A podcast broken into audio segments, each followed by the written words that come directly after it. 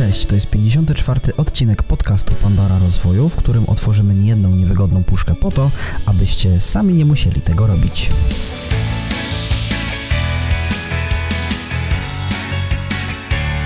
W dzisiejszym odcinku porozmawiamy o miłości. Czym jest, jak odróżnić ją od zauroczenia, w jaki sposób dbać o to uczucie i jak się od niego uwolnić, gdy jest toksyczne.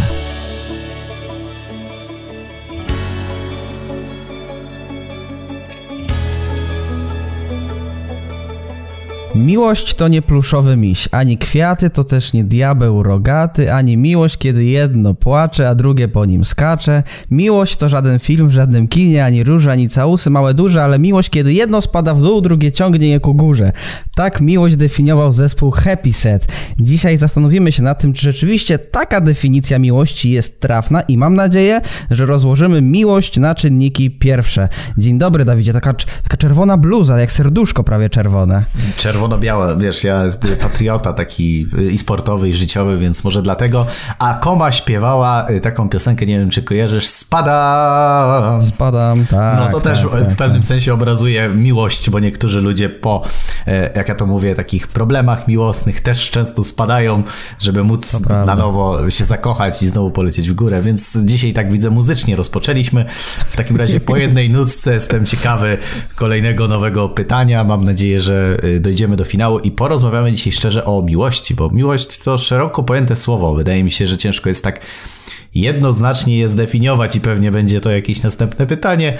Tak przyczuwam, chociaż może nie, ale generalnie uważam, że miłość jest piękna, warto o niej porozmawiać, a aż dziwne, że przez tyle odcinków nie poruszyliśmy tematu serduszka, miłości, uczuć różnych zresztą w różnych kontekstach życiowych.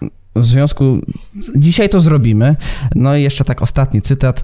Nikt tak pięknie nie mówił, że się boi miłości. Zespół śpiewał taki pijama porno się nazywał. Ale to dobrze, zaczynamy odcinek 54. Witamy w nowym roku i lecimy. No dobrze, zaczynamy od statystyk jak zawsze. Dzisiaj znalazłem statystyki na stronie money.pl i uwaga, w 2020 roku zawarto niecałe 145 tysięcy ślubów i doszło do nieco ponad 51 tysięcy rozwodów. W 2019 roku ślubów było 183 tysiące, czyli 40 tysięcy więcej, a rozwodów 65 tysięcy, czyli też więcej. A w 2018 roku, i tutaj kończę statystyki, ślub wzięło 192 tysiące par, a rozwiodło się niespełna 63 tysiące, więc statystyki pokazują, że z roku na rok tych ślubów jest coraz mniej. Natomiast w 2020 wiadomo co się stało i wiadomo czemu tych ślubów prawdopodobnie nie było, bo ludzie przekładali z powodu różnych zawirowań CO-widowych. W związku z tym, jak Ci się podobają te statystyki i ważne pytanie, czy wziąłeś wziąłeś ślub w tym czasie, czy się rozwiodłeś? E, ani nie wziąłem ślubu, ani się nie rozwiodłem, Ach. także ja jestem, wiesz, jak to się mówi, wiecznym kawalerem. Mówi się wieczna panna młoda, jestem wiecznym kawalerem, tak jak był wieczny student.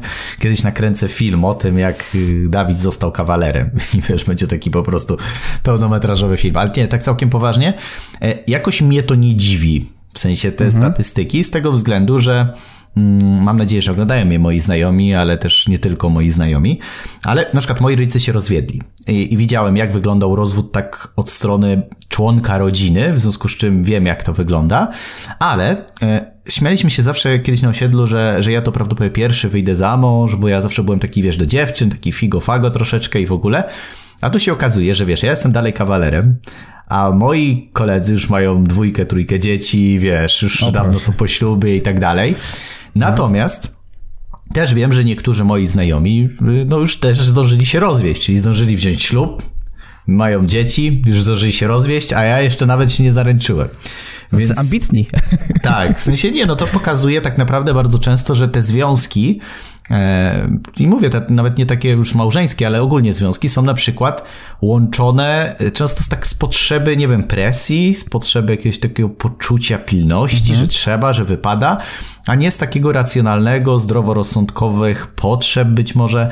E, I często te związki po prostu są tak, dobra, fajnie jest, nie myślą długofalowo, nie myślą o tym, czy wszystkie takie potrzeby egzystencjonalne zostały już dzisiaj zaspokojone i będziemy w stanie na fajnych fundamentach budować tą relację, tylko po prostu dobra, jest super, weźmy ślub, pojawiło się dziecko i nagle proza życia, tak? Obowiązki, kurczę, praca to jednak kosztuje, tu ktoś mnie zwolnił, tu nie ma pracy, wiesz, mnóstwo różnych problemów. Energia weszła nie taka, jaka powinna. Ludzie nie byli na to mentalnie przygotowani i nagle okazało się, że kurczę, pojawiają się rozwody. I większość tych rozwodów bierze się właśnie nie nawet z tego, że ludzie nie są w stanie się dogadać, ale że nie są w stanie radzić sobie po prostu z prostymi problemami w życiu. Czyli wiesz, y, to często te problemy są błahe, to zaczyna się od jakichś błahych. Nie, ktoś nie robi jakichś obowiązków, nie ma podziału obowiązków w domu, nie jest mniej seksu, bo automatycznie coś tam, wiesz.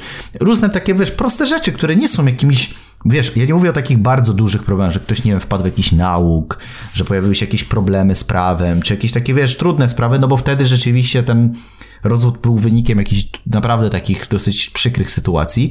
Natomiast wiele rozwodów jest takich, wiesz, na zasadzie ludzie po prostu nie radzą sobie z takimi zwykłymi życiowymi sprawami i nagle, wiesz, dobra, to się rozwie, dobra i cool. I wiesz, i koniec, nie? Więc ja uważam, że, mm, że te statystyki pokazują tylko, jak bardzo nie rozumiemy siebie, a to pokazuje, jak bardzo nie rozumiemy też drugiego człowieka, bo gdyby ludzie siebie rozumieli, to dużo łatwiej radziliby sobie z tymi prostymi rzeczami. Byłoby mniej nerwów, mniej złych emocji, mniej frustracji, a bardziej więcej takiego świadomego podejścia i rozmowy, nie? Dlatego ja też jestem kawalerem, bo wyszedłem z założenia, że najpierw sobie ułożę karierę, ułożę sobie pewne fundamenty, zrozumiem siebie, bo wiedziałem, zresztą ty jako psycholog y, to też pewnie wiesz, że wiele rzeczy, które wynikają z domu, z rodziny, no to mogę to potem przerzucać bezpośrednio, projektować na swój przyszły związek. Więc ja chciałem uniknąć sytuacji, w której Dawid jako dziecko, obserwując rozwód rodziców, będzie powielał pewne schematy potem u siebie.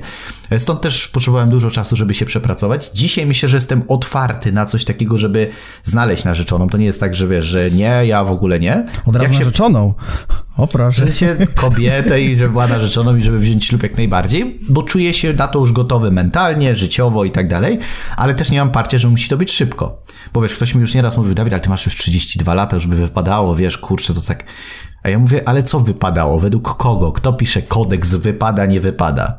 Znam ludzi, którzy w wieku 45 lat brali śluby i są szczęśliwym w związku. Wolę wziąć ślub w wieku 40 lat i być szczęśliwym, niż wziąć ślub w wieku 32 i po 10 latach się rozwieść i być nieszczęśliwym.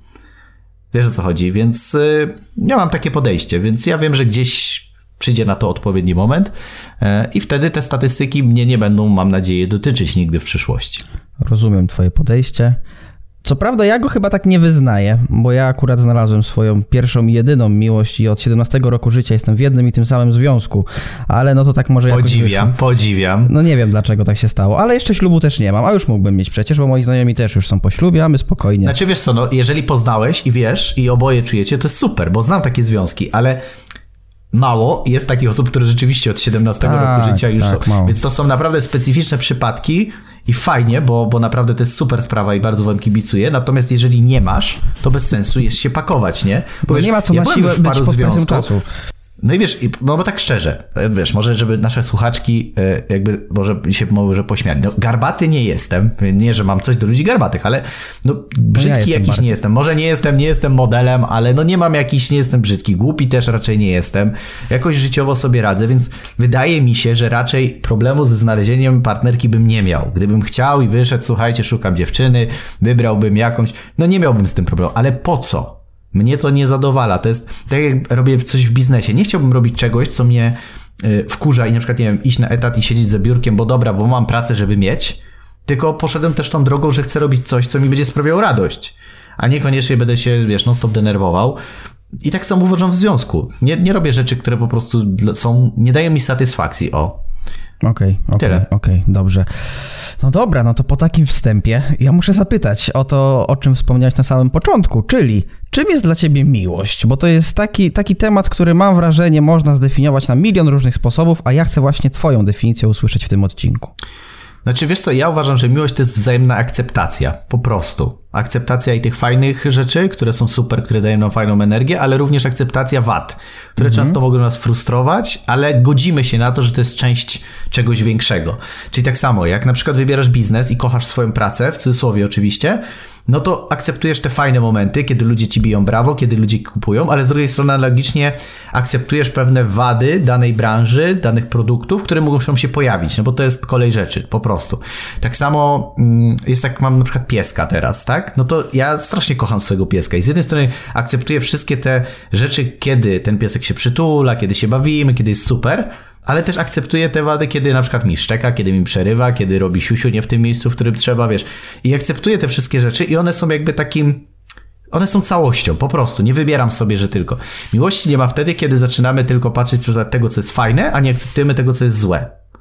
Wtedy nie ma miłości. I wiesz, i ciężko jest tak zdefiniować zero-jedynkowo, bo yy, wydaje mi się, że dopiero kiedy mm, mam psa, dopiero poczułem taką trochę bezwarunkową miłość. W sensie ten pies nie musi mi nic robić takiego specjalnego, nie musi się jakoś spłacać w cudzysłowie, żebym ja go kochał. W sensie wiesz o co chodzi. I jak sobie wyobrażam nawet, że miałby tam gdzieś leżeć i mieliby go ciąć albo coś, to teraz na samą myśl mam ciarki. Mówi się, że jak się ma dziecko, to podobno pierwszy raz tak człowiek doświadcza takiej bezwarunkowej miłości, własne dziecko, nie? Mm -hmm. e, natomiast y, wydaje mi się, że ciężko jest w dzisiejszych czasach tak w tych czasach takich, wiesz, e, bardzo zero-jedynkowych, doświadczyć takiej prawdziwej, głębokiej miłości. Wydaje mi się, że kiedyś było chyba o to łatwiej, nie? Dzisiaj jednak bardziej punktujemy swoich przyszłych partnerów, bo nawet czasami i tutaj, e, wiesz, rozmawiam z jakimiś dziewczynami na jakichś portalach typu Instagram i wiesz, i czasami dziewczyny zadają mi takie pytania, jakie mam podejście na przykład do mieszkania, czy dom, czy mieszkanie, wiesz? I ja odpowiadam często na te pytania, bo jestem ciekawy dalszej na przykład y, rozmowy, co się wyniknie, ale widzę, że dziewczyny na przykład bardzo zerynkowo oceniają, nie? W sensie ma, nie ma, ma, nie ma. Tam nie ma czegoś takiego, że po prostu czujemy, czy wspólnie nadajemy na tych samych falach, ale jest dużo takich punktów, jak ja to mówię, Excelowych, muszą być spełnione, bo inaczej on się nie wpisuje w kategorię mojego partnera. I myślę, że dzisiaj jesteśmy bardziej tacy y, punktujący, niż po prostu cieszący się z tego, co jest, nie? I z taką nadzieją, że wspólnie jesteśmy w stanie zrobić więcej. Wiem, że to jest takie może utopijne podejście bardzo do, do relacji, natomiast wiem, że że jest to możliwe, natomiast widzę, że ludzie jednak bardzo tak konsumpcyjnie podchodzą, że wystarczy, że jednej nodze się powinie, e, jak to się mówi, e, noga, no to automatycznie druga strona się oddala, no bo już nie jest fajnie, nie? Już nie ma tych emocji, trzeba się więcej poświęcić, bo czasami w związku jest tak, że powinno być 50 na 50, wkładam tyle samo, ale czasami jest tak, że ktoś ma gorszy okres w życiu, bo się wydarzyło różne rzeczy, no i wtedy ta druga osoba musi jakby przejąć. Nie może być tak, że ktoś daje 20%, a ja daję dalej 50%, bo cały czas będzie brakowało 30%, nie? Ale też nie może być tak na dłuższą metę, że ktoś daje 80, a ktoś daje 20, nie? Więc, y, więc wydaje mi się, że, że ta miłość to jest taka, według mnie, taka akceptacja po prostu. Akceptacja dobrych, złych stron, po prostu akceptacja tego człowieka, jakim jest. E, oczywiście to nie chodzi o to, że jak masz wady, to, to, to nie musisz nad nimi pracować, bo warto pracować, warto się rozwijać. Natomiast wydaje mi się, że słowo akceptacja to jest taki klucz w miłości, nie? No to skoro mamy to, że miłość jest akceptacją, no to czym w takim razie różni się ta miłość od tego znienawidzonego przez część ludzi zauroczenia? No jak to rozpoznać? Czy ja się zakochałem, czy ja znaczy, się za, Według mnie zauroczenie jest y, formą projekcji naszego ego. W sensie ja tak uważam.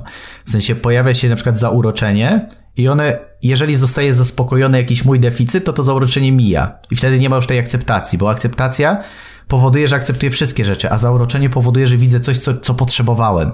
Czyli, nie wiem, w danym momencie czuję brak bliskości drugiej strony pod względem takim czysto emocjonalnym. Nie mówię o na przykład aspekcie fizycznym, no i nagle poznaję kogoś, kto mi to daje. I nagle, o kurczę, ale fajnie. I jestem zauroczony tym, że dostałem to, czego nie miałem. Ale w momencie, kiedy już zaspokoję tą potrzebę do takiego stopnia, w którym czuję, że okej, okay, ja już nic więcej nie potrzebuję od tej osoby i to zauroczenie nagle mija. Mówisz, kurczę, no w sumie to nic poza tym w tym człowieku nie widzę.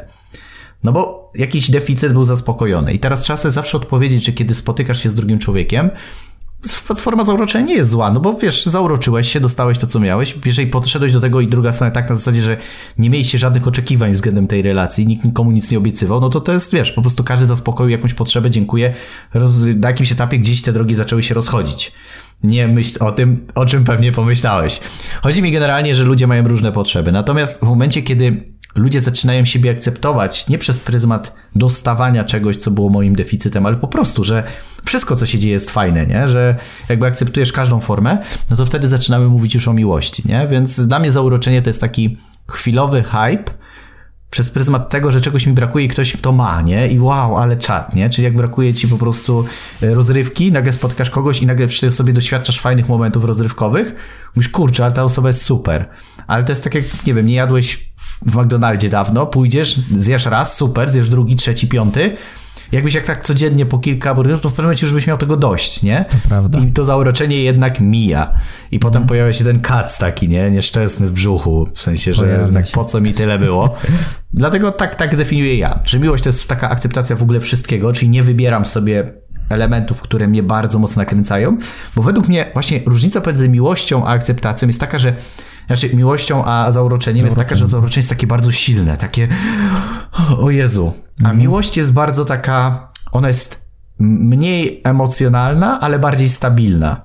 Rozłożona Czyli to jest takie, bardziej. jest rozłożona w czasie, jest taka bardziej dająca poczucie bezpieczeństwa, akceptacja, a, a taka zauroczenie jest takie bardzo, Jezu, że nie możesz myśleć, że po prostu, wiesz, wszystko się dzieje takie, że nagle, bo ludzie jak się kochają i są w związku, to nie ma takich właśnie tych, takich, wiesz, wielkich wystrzałów, takich, no, nie myślisz, a jak ci nie odpisze, co się stanie, wiesz, po prostu ludzie są bardziej bezpieczni, jest fajne uczucie, jest akceptacja, jest miłość, jest wzajemność, wsparcie i tak dalej, a zauroczenie jest bardziej taką formą takiego narkotyku, który ci po prostu daje pewnego rodzaju, wiesz, potrzebę, którą musisz w danym momencie zaspokoić, tak to uważam. No dobrze. I większość dobrze. ludzi zatrzymuje się na zauroczeniu, podejmują głupie decyzje pod wpływem zauroczenia.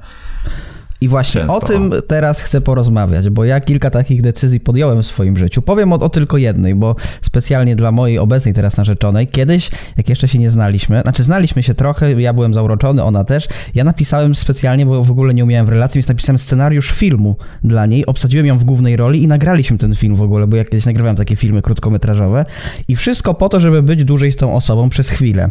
To się jakoś profesjonalnie nazywa, ale teraz nie pamiętam jak, potem cię o to spytam, ale człowiek właśnie robi głupie rzeczy rzeczy z miłości, z zauroczenia. Jaką najgłupszą rzecz ty zrobiłeś? Bo mam wrażenie, że jakaś mogła być, czy nie? Kurczę, wiesz co... Naprawdę ciężko jest, to jest trudne pytanie. Musiał sobie przypomnieć wszystkie jakieś takie moje relacje i co ja no. zrobiłem.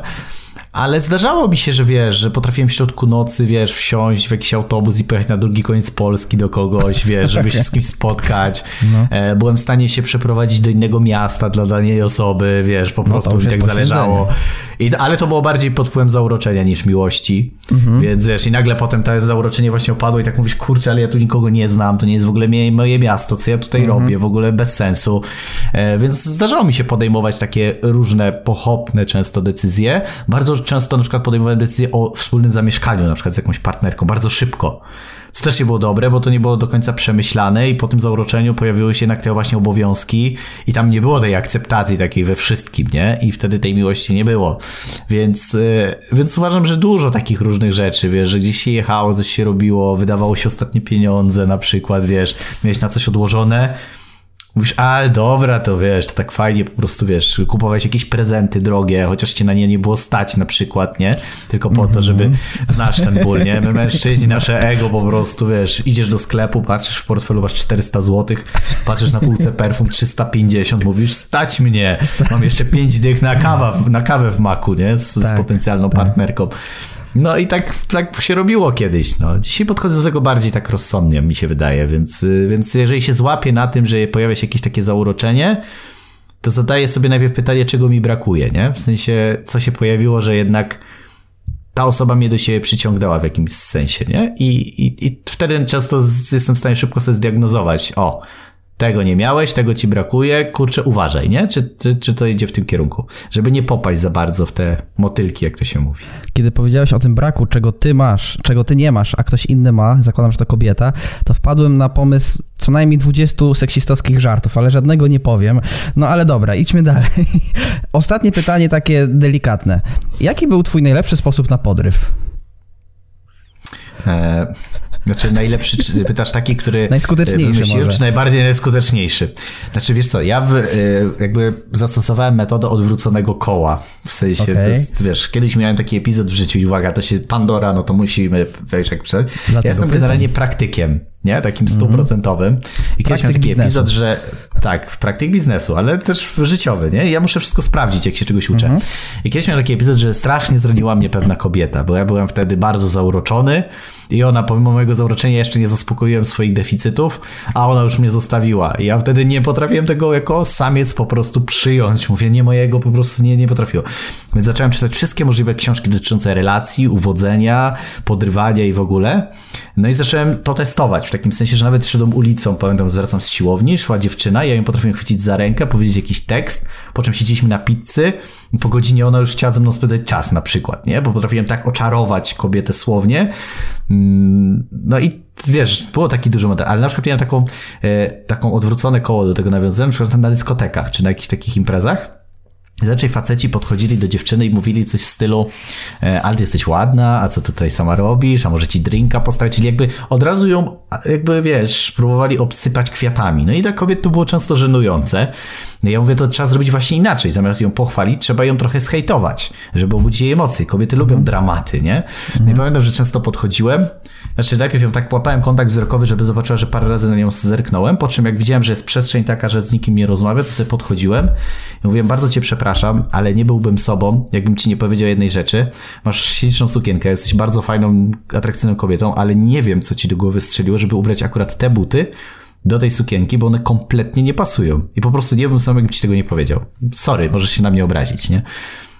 I wiesz, i reakcja zazwyczaj była na 99%, ale jak to? Co ci się w moich butach nie podoba?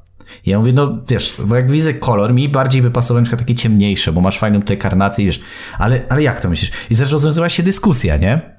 I wiesz, i w ogóle nagle po 2-3 minutach było, wiesz co, przepraszam, w ogóle nie przedstawiłem się tak głupio z tego wszystkiego, Dawid jestem, nie? I ona, o, tam Monika, super, no mam nadzieję, że nie jesteś zła, może zatańczymy, to tak może jakoś zrekompensuję ci, że byłem taki trochę niemiły, nie? Ona, no dobra.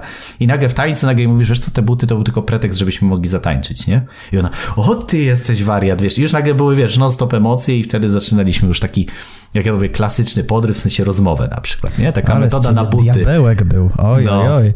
Ale wiesz, ale to działało, bo, bo rzeczywiście większość facetów i kobiety mi to mówiły, że jakbym zagadał tak normalnie, to nie wiem, czy by ze mną pogadała, ale jak zagadałem tak inaczej trochę, wiesz, bardziej sprowokowałem, nie zgodziłem się z czymś, no to to było rzeczywiście takie fajne, nie? No i często padało potem finalne pytanie, czy te buty naprawdę są brzydkie. No, i ja wtedy mówię, ja wtedy mówię, wiesz co, myślę, że ta odpowiedź nic nie zmieni w naszym życiu, po prostu trzymajmy się tego, co już zostało powiedziane. Czyli tak dyplomatycznie, żeby nie, nie skłamać, wiesz, już na pierwszym spotkaniu. No, do polityki musisz iść. Musisz do, raz cię widziałem nie, w Sejmie, było zdjęcie nie, tam. Nie, ja, ja już miałem styczność z polityką i myślę, że, że więcej chyba jednak nie. No dobrze, chyba, że dobrze. naprawdę w naszym kraju będzie źle, to wtedy, wtedy ja wystartuję, ludzie na mnie no. zagłosują, ja pokażę, jak dużo jeszcze rzeczy można spieprzyć. Dobrze, dobrze, ale dzisiaj no. taki miły odcinek o miłości, to może nie, nie niszczmy go, nie niszczmy go polityką. Ja właśnie, właśnie, kocham swoją ojczyznę, więc nie chciałbym robić dla niej złych rzeczy. Dobrze. To dobrze. jest idealne podsumowanie. Wiesz co, ostatnio byłem na twoim live na TikToku i chciałbym takie jedno pytanie osobiste zadać. Co to jest ghosting? Bo, bo ja nie wiem, albo ja jestem jakiś stary już. Ghosting albo... to jest no? takie określenie faceta, który na przykład spotyka się z kobietą, po czym nagle znika. Czyli jak duch. Nie ma go. A, o Czyli wiesz, piszecie, piszecie, piszecie i nagle z dnia na dzień on urywa kontakt, nie ma go, nie odpisuje, nie odbiera telefonu. Ghosting też jest w biznesie bardzo często stosowany, czyli klient, który ma fakturę do zapłacenia, ty mu wysyłasz no tak, przypomnienia tak, tak, tak. i klient nagle nie odbiera, nie ma go, nie? Wiesz, ghosting, nagle klient zniknął. Człowiek Więc ghosting jest generalnie taką, takim pojęciem właśnie, kiedy dana osoba w jakimś kontekście życia nagle znika i przestaje się kontaktować, czyli staje się duchem, jest niewidzialny, nie? Mhm. No i a tak. propos tego, co wtedy robić? Jak tak się dzieje? Znaczy wiesz co, no y, usilne proszenie nic nie zmieni, trzeba po prostu podjąć w tym momencie kroki. Y, bardzo często diametralne. No jeżeli klient nie płaci, no to zdajemy sprawę po prostu do sądu, A pozew, tam klient dziękuję. w miłości, co tam się A dzieje? jeżeli w miłości, to po prostu przestajemy się kontaktować, zajmujemy się sobą. No nie ma wielkiej, wiesz, no jeżeli będziemy za tą sobą biegać, no to tak jakbyś chciał znaleźć ducha, no to szukaj, no. Co ci to da? A jak go znajdziesz, to jeszcze wyskoczy i cię przestraszy, nie? No bez sensu. No, według mnie tu nie ma co, wiesz, robić wielkiej filozofii. Jeżeli ktoś zniknął, to miał ku temu powody i, tyle. No właśnie na tym polega to, czy mamy oczekiwania względem relacji, nie? Wiesz, no co innego jest, jak nagle, nie wiem, już macie relację roczną, nagle po roku ktoś znika. No to wtedy mogło się coś stać, więc warto się dopytać. Ale jeżeli ta osoba nagle napisze, że nie chce, no to też trzeba uszanować to. No, relacja to jest coś takiego dosyć trudnego, bo my się jednak przywiązujemy, ale z drugiej strony musimy liczyć się też, że tak naprawdę druga strona nigdy nie jest naszą własnością i ma pełne prawo w dowolnym momencie swojego życia pójść swoją drogą, jeżeli poczuje coś innego. I, i niestety to jest przykre, ale tak jest. I wielu ludzi po prostu tego nie akceptuje, więc y, to jest tak, jak robiąc biznes, akceptujesz to, że może ci ten biznes nie wyjść, że po prostu stracisz pieniądze, albo inwestując, że możesz ponosić ryzyko. Tak samo wchodząc w relację, ponosisz ryzyko tego, że ta osoba w którymś momencie może nie chcieć już budować tej relacji. To jest mhm. ryzyko, które, wiesz, y, często powinniśmy niestety zaakceptować, nie? No dobrze, dobrze. Minęły tam 22, 3 czy 4 minuty tego podcastu, no i czas na odpowiedź na pytanie główne, czyli jak znaleźć swoją miłość, w ogóle jak jej szukać. I, czy są jakieś konkretne kroki, czy ona po prostu od tak przychodzi i jest? Znaczy wiesz co, musisz stanąć przed oknem i pomyśleć sobie 30 razy chcę znaleźć swoją miłość, chociaż to zdanie byłoby błędne, bo afirmacja powinna być znalazłem swoją miłość. Znalazłem, tak. Mało tego, jest, ostatnio trafiłem na TikToku, uważaj, na metodę, która polega na tym, że technika nazywa się 369. Czyli piszesz trzy zdania, że znalazłem swoją miłość, znalazłem swoją miłość, znalazłem swoją miłość. Potem sześć razy piszesz, jak ta miłość ma na imię. Czyli na przykład Andrzej, Andrzej, Andrzej. I potem w całości Andrzej, co chcesz, żeby Andrzej napisał do mnie, ponieważ wie, że jest miłością mojego życia. No i wiesz, i tam ta osoba mówi, że tak trzeba zrobić i wtedy przyciąga się do siebie wszystko, że tak chcemy, żeby ktoś do nas napisał. A, to no i tam potem wiesz, oczy... przyciąganie. Tak, tak. I wiesz, i tam były komentarze w stylu, dlaczego Donald Trump jeszcze do mnie nie napisał? Zrobiłam to już przez dwa tygodnie. Wiesz, i tak dalej, nie? Więc, więc ludzie się troszeczkę skumali, że to jakiś taki prank był bardziej chyba.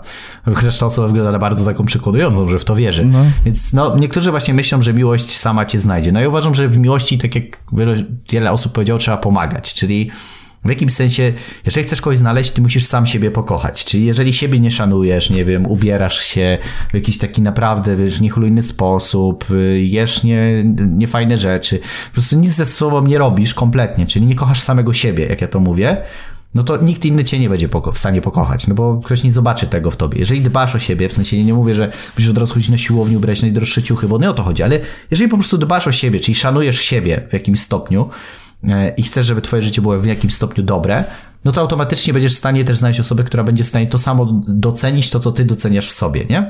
To jest pierwsza rzecz. Druga rzecz to przede wszystkim no, gdzieś tych ludzi musisz poznać, więc jak siedzisz cały czas e, w stodole z zabitej dechami, na cztery nigdzie nie wychodzisz, no to siłą rzeczy no nie spotkasz w stodole kogoś, jak tam nikogo nie ma.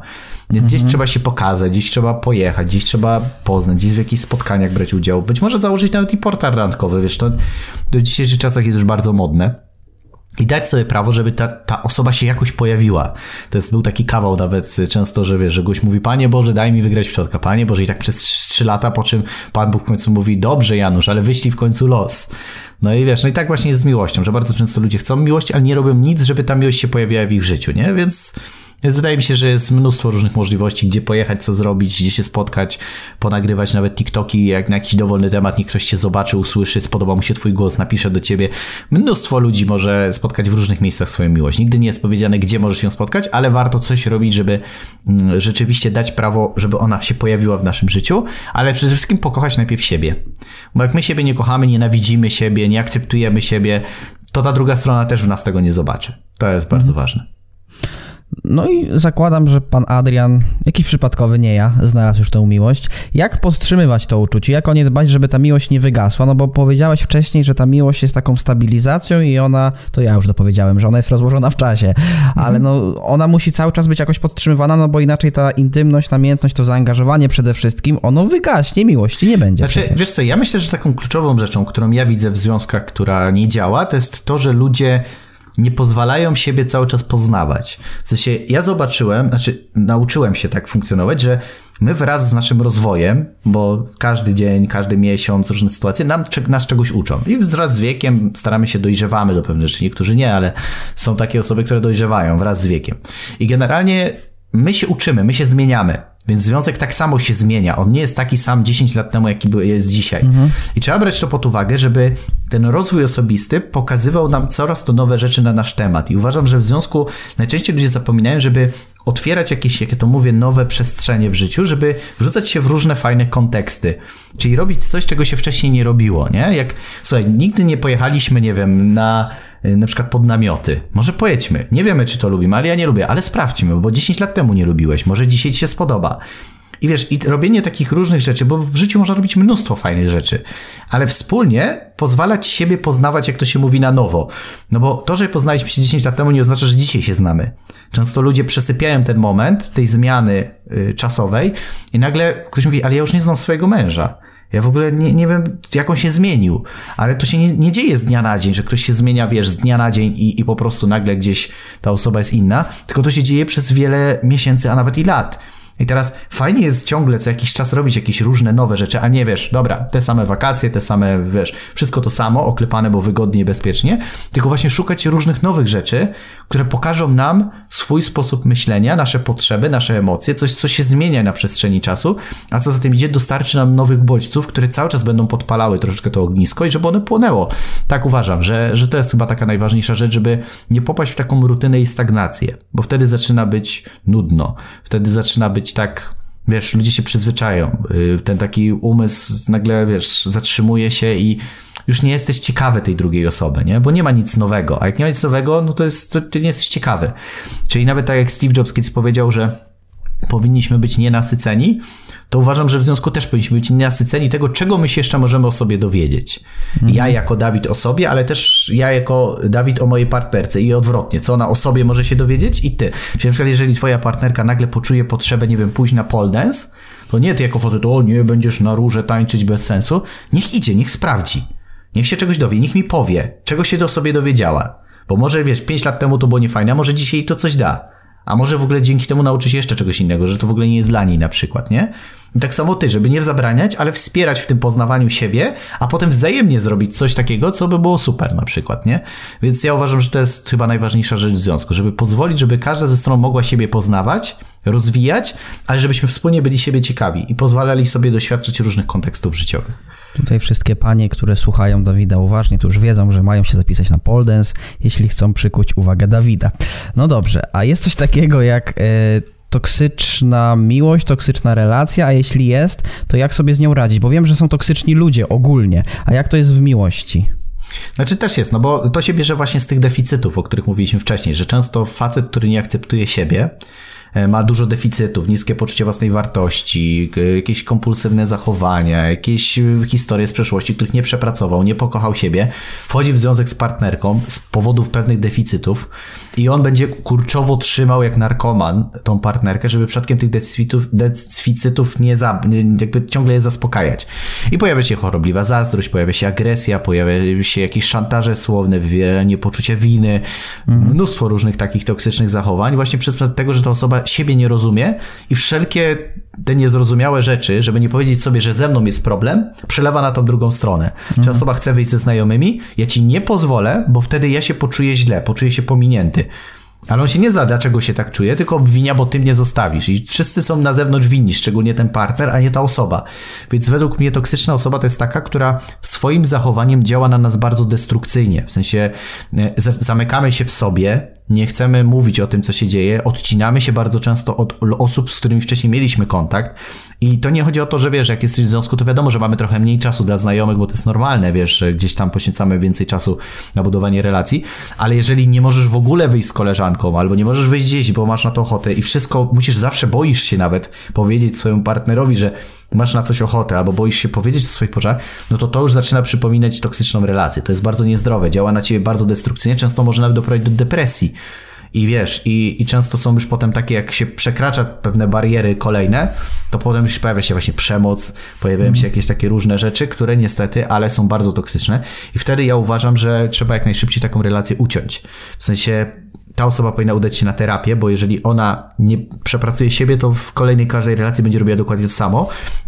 Więc dla mnie toksyczna to jest taka, gdzie jedna ze stron wykorzystuje słabość drugiej, przez pryzmat zaspokojenia swoich nieprzepracowanych problemów.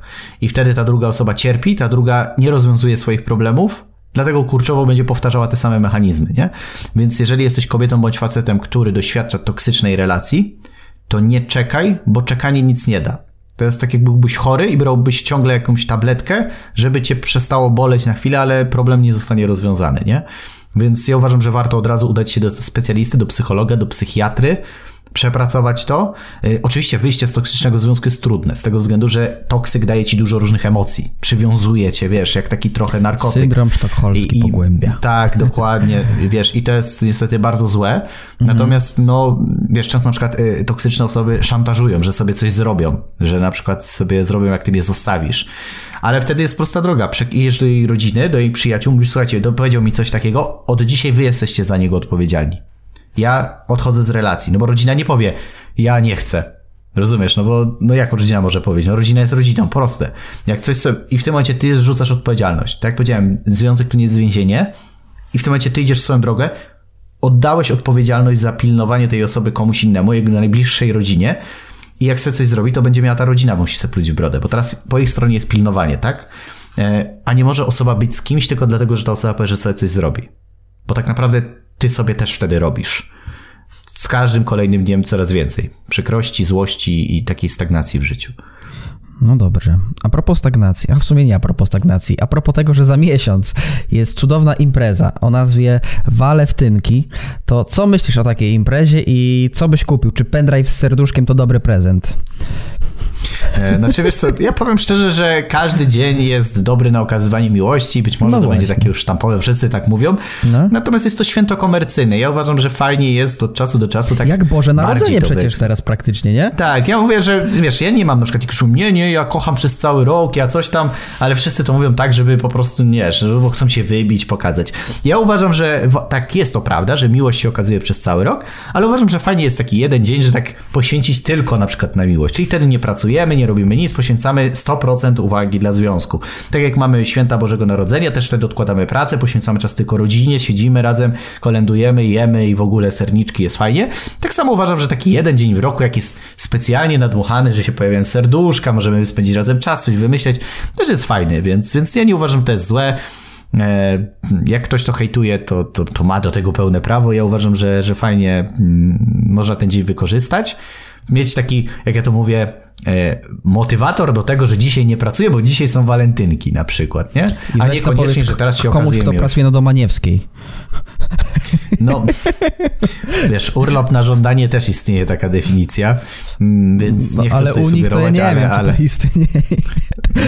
To są no, wiesz, ale generalnie jakby, wiesz, dla mnie, no, dla rozumiem, mnie jakby rozumiem. jest to, nie jest to dzień, który, wiesz, jest najważniejszy w roku czy coś, ale warto, jeżeli masz miłość, to dlaczego nie, nie wykorzystaj tego dnia, żeby jakoś specjalnie sobie jeszcze tak uczcić tą miłość i poświęcić czas tylko dla siebie.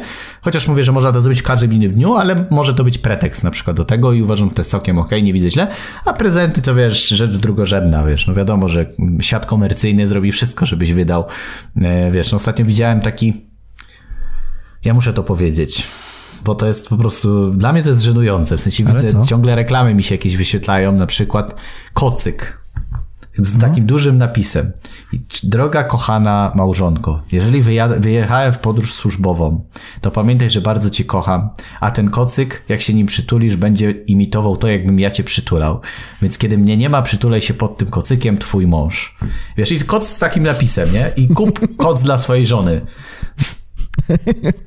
Rozumiesz, ja, ja rozumiem intencje, rozumiem wszystko fajnie, ale naprawdę... No, no. No.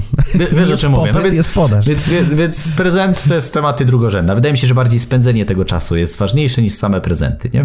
No dobrze. Już kiedyś dobrze. wydawałem te 350 na perfumy, mając 400, więc wydaje mi się, że już i tak za dużo tych prezentów w życiu kupiłem. No, Ale jakiś upominek własnoręcznie zrobiony byłby nawet chyba lepszy niż kupienie mhm. balonu z misiem na przykład, czy coś. Tak. No jasne, zgadza się, zgadza się. Czekaj, patrz jaki czas. Dobra, ostatnie pytanie dosłownie. E, czasem jest tak, że jak ktoś już jest długo w związku, to bardzo często, znaczy to dobrze znam z takiej, e, no, z doświadczenia psychologicznego, ale takiego bardziej teoretycznego niż praktycznego, bo nie byłem nigdy praktykiem, terapeutą, ale Niektórzy mężczyźni, bo to zwłaszcza mężczyzn dotyczy, przelewają uczucie miłości na przedmioty. Zwłaszcza to się dzieje, kiedy podchodzą pod czterdziestkę. Niektórzy na to mówią kryzys wieku średniego, inni to inaczej nazywają, ale w każdym razie wtedy są nowe zegarki, wtedy są samochody, motocykl oczywiście, broda, jakieś żele do brody i tak dalej, ubiór drwala, outfity i te sprawy. Jak sobie poradzić właśnie z tym, z tym kryzysem wieku średniego powiedzmy? I nie pytam ciebie jako praktyka, mam wrażenie, że jeszcze tam nie doszedłeś, jeszcze jesteś przed 40, e, ale ogólnie. No, właśnie dlatego uważam, że to pytanie jest bardzo trudne, bo ciężko jest mi się wczuć w materię tego, jak to jest. Natomiast wynika, ja myślę, że, że to już było powiedziane w tym podcaście, wynika to ze świadomości siebie. Bo wiesz, często jest tak, że przez to życie jakoś tak przelatujemy szybciutko. Tak jak mówiłem, nie poznajemy siebie, nie, nie kochamy, nie doświadczamy i w pewnym momencie przychodzi ten magiczny y, wiek, wiek 40-latka, czy tam ileś i nagle sobie uświadamiamy, że w naszym życiu, kurde, tak dużo wcale fajnych rzeczy nie zrobiliśmy. Mhm. Czujemy takie poczucie, że kurde, to życie nam uciekło gdzieś, w jakim, ale że jeszcze mamy, więc wtedy jest taki ostatni alert, ej, słuchaj, trzeba coś zrobić fajnego, wyeksplorować swoje ego, nie? No i no. wtedy się to wszystko przelewa właśnie na te przedmioty, bo wtedy zaczynamy znowu, wiesz, więc wydaje mi się, że jeżeli ktoś w młodszym wieku zacznie poznawać siebie i zacznie to eksplorować, robić fajne rzeczy, to wydaje mi się, że to się może nie pojawić. No bo ja nie mam takiej potrzeby na zasadzie, nie wiem, yy, udowadniania. Być może się to zmieni w wieku 40 lat, ale sądzę, że nie. Ponieważ yy, ja miałem taki krótki epizod w wieku tam 20 paru lat, że rzeczywiście chciałem pokazywać, że jestem super i w ogóle.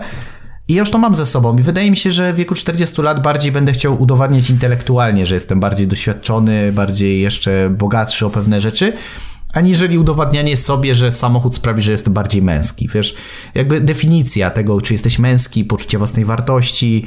E, wydaje mi się, że są osoby w życiu, które, które nie mają takich rzeczy i właśnie to wynika z tego, że one przez całe swoje życie poznają siebie, a nie nagle po 40 uświadamiają sobie, że może warto by było doświadczać. Mhm. Dlatego też skaczę ze spadochronu, robię różne rzeczy w życiu, żeby właśnie poznawać te rzeczy, a nie żeby nagle w wieku 50 lat sobie przypomnieć, że oj kurde, moje życie za niedługo może się skończyć, nie? Jasne. Więc, więc wydaje mi się, że stąd się to bierze, że jak ktoś przez całe życie gdzieś tak przeleciał, nie pozwalał siebie poznać, to wtedy nagle, kurde, dobra, trzeba tu samochód, tu, jeszcze chce się poczuć jakoś fajnie, nie? A mhm. jak ktoś się czuje normalnie fajnie na co dzień, to nie ma takiej usilnej potrzeby, nie? Mhm. Widzę, że jedno pytanie pominąłem, więc je szybko zadam. Czy powiedziałeś kiedyś swojej wybrance serca, z nim będziesz szczęśliwsza, dużo szczęśliwsza będziesz z nim?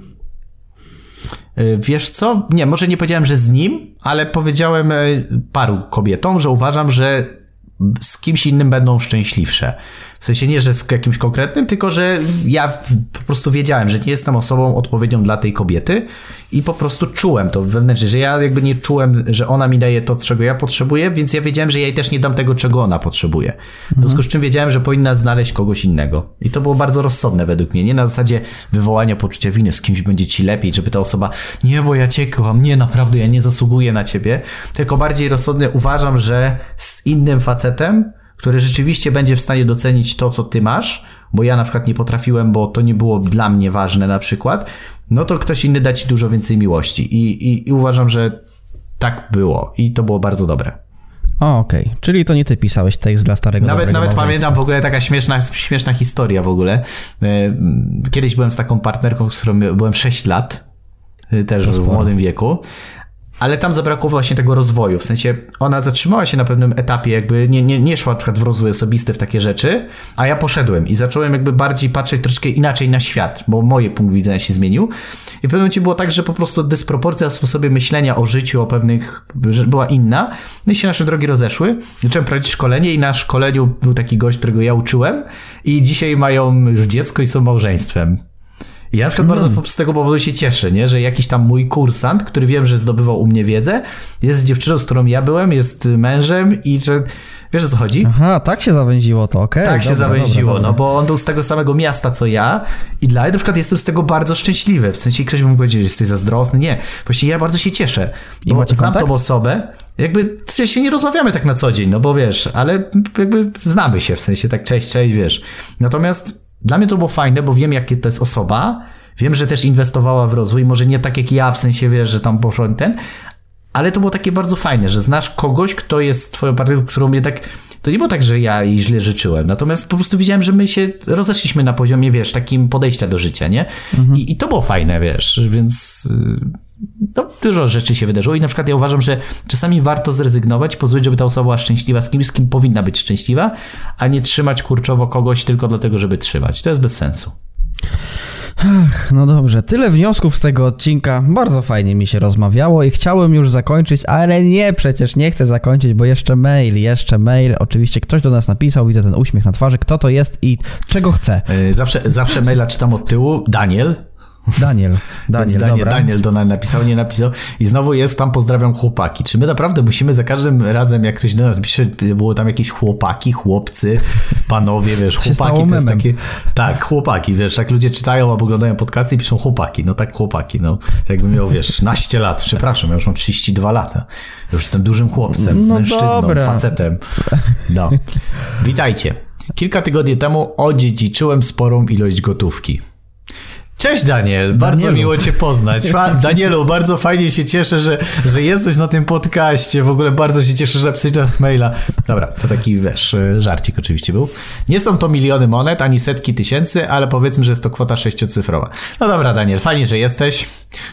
To zmienia postać rzeczy. Czyli setki tysięcy. Ja tak całkiem. Tak. Do tej pory nie obracałem takimi pieniędzmi, więc nie bardzo wiem, co z nimi zrobić. To znaczy, trochę wydałem na swoje zachcianki, ale resztę chciałem jakoś mądrze zainwestować. Zdaję sobie sprawę z tego, że pytanie ludzi w internecie nie jest strategią mądrą, ale byłem, Dawid, na jednym z twoich szkoleń, mieliśmy okazję zamienić kilka zdań. O, proszę. Muszę pomyśleć, który to Daniel.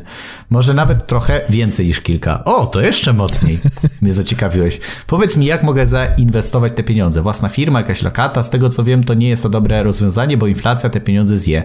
Może bawienie się w inwestora, dlatego aby te pieniądze sobie bezpiecznie rosły i nie oczekuję ogromnego zwrotu. Chcę, żeby po prostu nie traciły na wartości. Pozdrawiam chłopaki Daniel.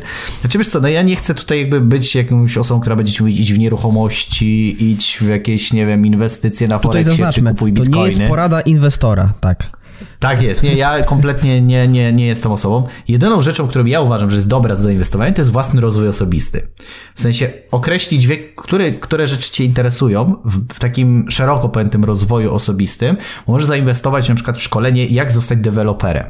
Być może nie zostaniesz deweloperem, ale ta wiedza Ci się do czegoś przyda. Być może jest jakiś inny obszar rozwoju, no bo ciężko jest mi tak doradzić, wiesz, zerodynkowo, w co powinieneś wsadzić te pieniądze, bo to jest ciężko tak zerodynkowo powiedzieć. Musisz poczuć jakąś branżę, w której chcesz być, a uważam, że ta świadomość bierze się z tego, jak siebie poznasz, wiesz, co ci bardziej na sercu leży. E, I ja bym jednak, tak jak ja zresztą, większość pieniędzy na początku zacząłem inwestować nie w jakieś projekty biznesowe, które miałem tych pieniędzy, tylko zainwestowałem część zarabianych pieniędzy, dosyć dużą część w rozwój siebie szkolenia, ale nie wszystkie szkolenia, bo to nie o to chodzi, żeby wydać te pieniądze i nic z tym nie robić, tylko zainwestować mądrze w coś, co jesteś w stanie wdrożyć, przetestować, żeby ci to dawało realny zwrot z inwestycji. Czyli uczysz się, nie wiem, jesteś przedsiębiorcą, masz jakąś firmę, uczysz się wystąpień publicznych, wiesz, że jak wystąpisz, to dzięki temu zarobisz x pieniędzy, bo jak nie występujesz, to nie zarabiasz. Proste, jesteś w stanie przeliczyć.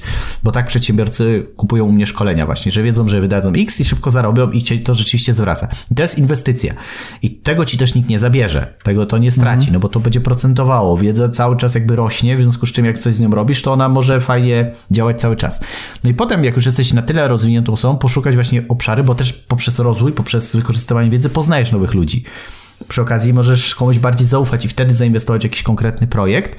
Natomiast myślę, że takie branża w ogóle szeroko pojęta, związana z nieruchomościami, jest chyba taka jedna z najpewniejszych dzisiaj. Chociaż różnie mówią, bo są różne możliwości, czy inwestujesz w jakieś projekty gotowe, na przykład hotele, czy kupujesz mieszkanie pod wynajem, yy, czy robisz flipy, czyli kupujesz, remontujesz, sprzedajesz drożej. Są różne możliwości. Musisz porozmawiać z ludźmi po prostu gdzieś, yy, gdzie będzie ci bliżej serduchem po prostu podjąć decyzję, bo tak to ja nie chciałbym być osobą, która będzie ci doradzała w tej materii. A ja inwestujesz mogę w bitcoina? nie, nie inwestuję w bitcoina A, dobra, i, dobra. i nie, nie inwestuję w rzeczy, które, których nie rozumiem. No ja W też. sensie nie, więc- ja pr- próbowałem zrozumieć, natomiast y, ta zmienność, y, nagła zmienność od rzeczy nierozrozumiałych mi jest po prostu dziwna, bo często jest tak, że nagle bitcoin rośnie i jest nie wiem, 50 tysięcy, a następnego dnia kosztuje 30 tysięcy. Bo ktoś wykupił, sprzedał, wiesz, i i wiesz, na przykład tak było z Elonem Muskiem. Elon Musk powiedział, że można kupić za bitcoiny za ten, nagle wartość skoczyła, a nagle następnego dnia powiedział, że już nie można i spadła, nie? Wiesz, od jednej osoby jest zależna moje, wiesz, strata bardzo dużych pieniędzy. Według mnie to, to nie jest, wiesz, bo ja wiem, że rynek nieruchomości też jest zależny od inflacji, od wielu różnych rzeczy, materiałów i tak dalej. Ale bardziej stabilny, Ale to, ale, to, ale, ale to się nie dzieje z dnia na dzień, nie? Jesteś w stanie pewne rzeczy przewidzieć, podjąć bardziej takie rozsądne ryzyko utraty, wiesz, yy, no jednak aż tak dużo nie stracisz na nieruchomości. Kupisz mieszkanie za 150 tysięcy na przykład, one może zyskać będzie 160, nagle będzie kosztowało 130 tysięcy. Dobra, stracisz 20, ale dalej masz to mieszkanie, tak? Nie musisz go sprzedawać. A w bitcoinach nagle bitcoin spadnie, no i co? No i no co z tym bitcoinem zrobisz? No masz, możesz go trzymać, tak? Ale no nie wiesz, co się wydarzy. Mm-hmm. A w mieszkaniu zawsze możesz mieszkać, wiesz, to upartego, czy wynająć komuś. No tak, tak. Więc tak. masz dużo różnych innych możliwości, więc e, więc ciężko jest mi tak doradzić. Na pewno lokaty to nie jest dobre rozwiązanie. W sensie tam nic nie zarabiasz, więc takie rzeczy bym raczej odradzał ale zainwestowałbym albo w siebie, albo w biznes. Czyli jeżeli masz jakąś pasję, masz pieniądze, to zainwestuj w coś, co umiesz robić, ułóż sobie marketing, zacznij to zarabiać na tym, bo według mnie inwestycja w siebie, w własny biznes jest zawsze dobrą drogą, jeżeli coś z tym robisz, bo jesteś leniem na zasadzie chcę zainwestować w swój biznes albo w siebie nic nie robić, żeby te pieniądze same mi dały, no to też to jest bez sensu. Lepiej zainwestuj w jakąś taki może sprawdzoną franczyzę może albo coś, gdzie ktoś już ma jakiś ułożony biznes, ale tam też trzeba robić. Nigdy nie traktujmy inwestycji jako zwolnienie nas z obowiązku myślenia, bo uważam, że to jest e, coś, co powinniśmy powiedzieć. No dobrze, no to ja zakładam, że większość ludzi, zresztą ja też jestem w tej grupie, nie jestem tak jak Daniel i inni też nie są, nie mają kilkaset tysięcy na koncie, więc powiedz mi, Dawidzie, ostatnia rzecz, w co mogę zainwestować moje 30 złotych? E, ja myślę, że mógłbyś dołożyć drugie 30 kupić moją książkę. Jeżeli, jeżeli... Powiesz, że drwala, ale... nie, nie, nie. Wiesz, mógłbyś kupić moją książkę za 67 zł. Polecam przesłuchanie mówcy. Jeżeli ktoś z was nie ma, możesz znaleźć na mojej stronie www.dawidswistek.com łamane chyba na przesłuchanie mówcy. Tak chyba jest. Nie wiem, na, tu się wyświetli gdzieś prawdopodobnie. Montażysta pewnie zrobi. Natomiast tak całkiem poważnie, pamiętaj, 30 zł to, to jest kwota, która ma może, może w jakieś fajne wspomnienie. Właśnie wizyta w McDonaldzie może, może, może, może być fajnym wspomnieniem wspomnieniem, ale pojedź z kimś fajnym i zrób coś fajnego, żeby to nie było pojechałem, zjadłem, ale zrobić coś fajnego, nie? Dobra, Jakieś zamówię tak... na drive'a i zjem w środku. O, to, to jest kurczę, szaleństwo. Powiem ci, ty to jesteś, jak już wymyślisz, to aż normalnie dreszczyk emocji. Powiem ci, normalnie no aż chcę to zrobić, no. To wyobraź sobie 7 lat mojego związku. W każdym razie, to był 54 odcinek Pandory Rozwoju. W komentarzach oczywiście możecie zadawać nam pytania, a także mailowo, tak jak to zrobił Daniel, na skrzynkę pod tytułem Pandora Rozwoju małpa dawidswistek.com. Możecie także Pandory Rozwoju słuchać na różnych platformach streamingowych. Link do wszystkich na stronie anchor.fm łamane przez Pandora Rozwoju. Specjalnie nie wymieniłem wszystkich platform, żeby tak nie było, że za każdym razem mówię to samo. I ostatnia rzecz, możecie dołączyć także do grupy Pandora Rozwoju rozwoju, społeczność słuchaczy serdecznie zapraszamy. No i Dawidzie, coś na koniec, jakieś słowo podsumowujące, tak jak podsumowujące są maile w każdy piątek. E, znaczy ja uważam, że e, miłość jest po prostu piękna i uważam, mhm. że każdy z nas zasługuje na miłość, ale tak naprawdę najpiękniejsza miłość, którą my możemy w życiu doświadczyć, to jest miłość do samego siebie. Czyli żeby pokochać siebie, poczuć wzajemne poczucie takiego wartości, że jesteśmy fajnymi ludźmi. Wtedy też będzie nam dużo łatwiej dać miłość innym ludziom i doświadczyć jak to się mówi, takiego wzajemnego wsparcia, tej akceptacji, o której mówiliśmy. No i życzę wszystkim miłości i szczęśliwych przede wszystkim walentynek, bo wydaje mi się, że to jest chyba e, najważniejsze, żebyśmy w życiu poznali kogoś, z kim możemy to życie dzielić. Dobrze, dobrze. To ja pożyczę miłego lanego poniedziałku, który będzie za kilka miesięcy, ale ja lubię to święto, więc to tyle. Dziękujemy bardzo i do zobaczenia i do usłyszenia w 55. odcinku Pandory Rozwoju. Do usłyszenia i do zobaczenia.